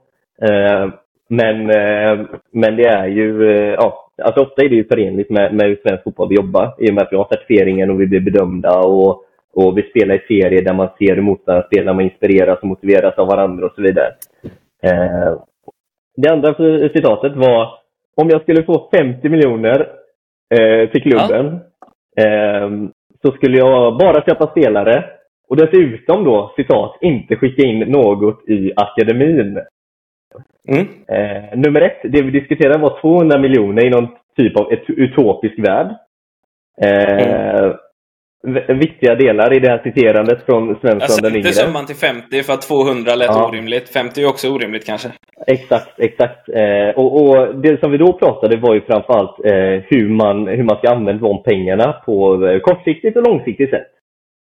Eh, satt vi och, och, på Avenyn. Absolut, så var det Svensson. Eh, och det som då lyftes var så här, hur kan vi göra det? Ja, men då har vi exempel på spelare, framförallt i, eller klubbar, eh, framförallt i seniorverksamhet, som har kortsiktiga lösningar. Om du har en spelare som är eh, dansk, eller kenyansk eller svensk så spelar det för föreningen ingen roll var man får den här spelaren från. Med tanke på att man kan anpassa den till verksamheten, man kan ge den en, en bra trygghet här. Så etnicitet eller var man kommer ifrån eller vilket land man kommer ifrån spelar ingen roll för klubbens sida så länge de sätter en kontest där de kan prestera bäst fotboll. Det är ju för klubben helt irrelevant. Men det är klart att det gynnar svensk fotboll om vi kan hålla pengarna internt. Men det har ingenting med, med spenderandet att göra. Så Svenssons citering på detta är eh, bland det värsta jag upplevt i poddformat. Eh, och jag kommer, ut, jag kommer uttrycka min ilska på fletet. Citeringen var ju korrekt och sen så lät jag ju det vara för fri tolkning plus ett utrymme för det att förklara vad fan du sa. För citeringen är ju korrekt i vad du sa. Ja, inte skicka in, nej, inte skicka in något i akademin. Nej, det är klart om pengar ska sättas till seniorfotbollsprestation. Hade jag, satt, hade jag fått bestämma hade jag satt alla de 50 miljonerna till akademin. A-laget går ändå så pass bra. Uppenbarligen med tanke på att vi gick upp i Allsvenskan. Och det är väl för att ni gör rätt underifrån då, som det går bra? Ja, nej, inte bara. Då gör jag mycket rätt upp också. Men bara, bara en mm. fråga, för jag tycker du svamlar så, så att jag var tvungen att ta mediciner däremellan. Mm. Nej, eh, det var så långa svar, så här försvarstal, så bara... Eh, men om du har 50 miljoner, skulle du lagt det så du har lagt det på eh, tre spelare som inte bryr sig någonting om föreningen egentligen, utan kortsiktigt gör dem bättre. Eller lägga det eh, för att bygga, en, eh, bygga akademin långsiktigt för att få fram kontinuerligt bra spelare med välutbildade, duktiga ledare. Men vad, vad, pratar vi om? Pratar vi om i en klubbchefroll typ? Eller vad pratar vi om? Alltså förening? Min för man ska också utgå från roll. I min roll så har jag bara, jag har ingenting med A-laget att göra. Nej. Jag är akademichef. Om det, det driver så, din förening. Mm. Om du skulle få, säg 200 miljoner och du kan... Okej, okay, kortsiktig framgång. Vi kan, eh, vi kan vinna SM-guld. Stoffe måste också få svara på detta. Eh, liksom, ska, ska vi, vi, vi tar in eh, två, tre spelare och så kanske vi kan vinna SM-guld. Vi kan, vi kan vara i, i topp här i, i, i två, tre år. Eller mm. så lägger vi allting i ungdoms och ser till att vi har en långsiktig där vi jobbar och kanske får fram bättre spelare i 20 år framöver. Vad hade du gjort? Så här. Nej men så här, i, i en prioritetsordning, om jag hade haft hela föreningen, då hade jag framför allt börjat arvodera tränare ordentligt i ungdomsverksamheten. Det är vårt största dilemma. Eh, att vi vill, jag vill kunna ge tränarna tillbaka mer eh, pengar. Eh, sen så hade man behövt lägga... Alltså jag, jag, har ingen, jag har ingen insikt i sportcheferiet, det är inte min roll överhuvudtaget. Eh, så, så, men självklart om man ska få om man har tillgång till de pengarna och inte får kortsiktiga resultat tror jag det lär höras en del i föreningen också. Eh, om det är så att man sitter på 200 miljoner men inte, inte får ut någonting av de pengarna kortsiktigt också. Men långsiktigt så hade man ju puttat till framförallt pengar till arvoden på, på ungdomssidan, eh, vidgat scoutingområden, eh, höjt eh, facilitetsstandarden, sådana bitar. Eh, så, men eh, Svensson och Svensson, eh, det är som vanligt när ni diskuterar tillsammans att ni har fan ingen koll vad ni säger. Nej, det var riktigt skönt, att du, kom till, riktigt skönt att du kom till insikt. Du måste ha landat efter den burgaren som du inhalerade på Brödernas. Det är kanelbulle. Ja, den menar du. Nu käkar jag kanelbulle, eller? Ja, nu, jo, men det är hans frukost nu. Ja. Ja. Ja, eh, stämmer du in i den körsången, eh, Stoffe? Slut... slut. Ja, alltså, jag, jag, vet, det är svårt att säga. Ja, det är väl bra, bra att dela lika på det. Men eh, Ja, men nu blir det spännande för frågan kanske blir verklighet där för guys. Nu är det inte de 200 miljonerna till nästa år, men det blir en betydande inkomstsumma som kommer tillföras till, till nästa säsong. Och då blir det också en fråga om hur man eh, fördelar de miljonerna. Eh, är man nöjda med de sportsliga resultaten på seniornivå eh, och tänker då att man har en så pass framtids, alltså på framtid duktig trupp, alltså att den är lovande på sikt och att man då ska tillföra pengarna till, eh, alltså de ökade pengarna till en akademiverksamhet och höja på längre sikt? Eller kommer man enbart liksom lägga dem på seniorverksamhet och känna att eh, man har en, eh, en lovande akademi som man ändå har nu kontra liksom 20 år sedan? Eh, nu har man ju, får man ju upp fler och fler spelare i A-lagsfotboll i Gais. Eh, vi har ju många spelare som gör, som gör många minuter i år som kommer från akademin. Eh, så det blir också ett eh, litet eh, vägval där, hur man fördelar dem. Eh, på kort sikt så kanske, ska man vara krass, så kanske det bästa är att eh, sätta dem i en seniorverksamhet och på sikt då eh, leder det till att man håller sig kvar i allsvenskan, får in mer pengar till nästa år. Där kan man börja fördela dem. sätter man alla, alla till akademin nu som är med en långsiktig väg kanske leder till att man halkar ur allsvenskan. Man får börja om i superettan, mindre intäkter där, men då kanske man på sikt får fler spelare som kan ta upp steget i A-lagsfotboll om man tar tillbaka laget till allsvenskan. Så det, det blir lite lurigt där, men ja, alltså varför ska man fördela allt i ena säcken eller andra? Jag har inte riktigt förstått eh, Sebastian och Mackans eh, börjar diskussion där. Varför kan man inte bara fördela det? Jag riktigt den. Eh, det men sluta nu, det gjorde du då. Men för att vara lite seriös på slutet, så här, det som är praxis i svensk fotboll, om man säger så, det är ju ungefär att fördela 10% av den totala budgeten till, eh, till akademin. Mm. Om man säger så. Mm. Det, det är liksom, ja men, Eh, både, både rätt vedertaget, men det är också så många jobbar, så jag har förstått det i de olika föreningarna man pratar. Så 10% av den totala budgeten till akademin. Sen så är det som vanligt en diskussion kring så här, okay, hur mycket av faciliteten används av akademin kontra A-laget och, och hela den biten. Hur används planen och hur kan det skrivas ner till budget och så vidare. och så vidare. Det är ju andra frågor. Liksom. Men eh, där är det viktigt att man har en långsiktig plan och man kan följa den och, och att de här 10 procenten, är det så att de växer över tid, vilket det naturligt gör om man, om man går upp en serie, eh, speciellt om det tillkommer tv-pengar och så vidare, så är klart att det måste finnas en, en väg för och en plan för hur man ska investera de här pengarna på bästa möjliga sätt. Men där, min bild är att om, om de flesta svenska elitklubbarna så finns det saker som ganska snabbt kan tillsättas pengar till. Arvoden till tränare, fler tränarroller, eh, bli någon extra person i varje tränargrupp så att man kan eh, amen, eh, dela upp eh, feedbacksystemet på träningarna så man kan ge alla spelare ytterligare lite feedback eh, sätta någon på att filma och klippa träningar. Alltså det finns bitar att putta, putta in som är naturligt. Liksom. Eh, arvodera mm. tränare ner till 12-årsåldern istället för 13 som vi har. Alltså det finns hur många bitar som helst som man, som man eh, rent eh, såhär, tankemässigt kan, lä kan lägga pengar på. Men, men det gäller att mm. göra det i rätt ordning och det gäller att vara långsiktigt tänket. Liksom. Det låter som att du har skrapat hem 25 000 kronor i månaden på Triss nu hemma hos eh, Steffo i Nyhetsmorgon. Eh, det finns många hål att fylla, men det kanske är sanningen också. Eh, tråkigt diplomatiskt svar, men eh, så får det vara. Eh, och på den noten så, så är programtiden slut för idag. Anders ska gå och ta sitt morfin, eh, byta ispåse, stomipåse och allt möjligt säkert. Jag vet inte. Eh, det är mycket grejer som du behöver göra Anders. Men grabbar, jävligt roligt att ha er med. Vi ska ta upp eh, den här 50 miljoners frågan lite längre fram över en bägare eller två kanske. Eh, alkoholfri eller inte, jag vet inte eh, vad man behöver säga i poddformat. Men skitsamma. Jävligt kul att, att ha er med. Eh, vi hörs snart igen. Vi tar gärna in er igen och surrar gött med er. Tack som fan grabbar. Ha en riktigt trevlig helg. Tack så mycket. Hej guys. Mycket bra. Hej guys. Vi hörs boys. Ciao. Ciao. Ciao.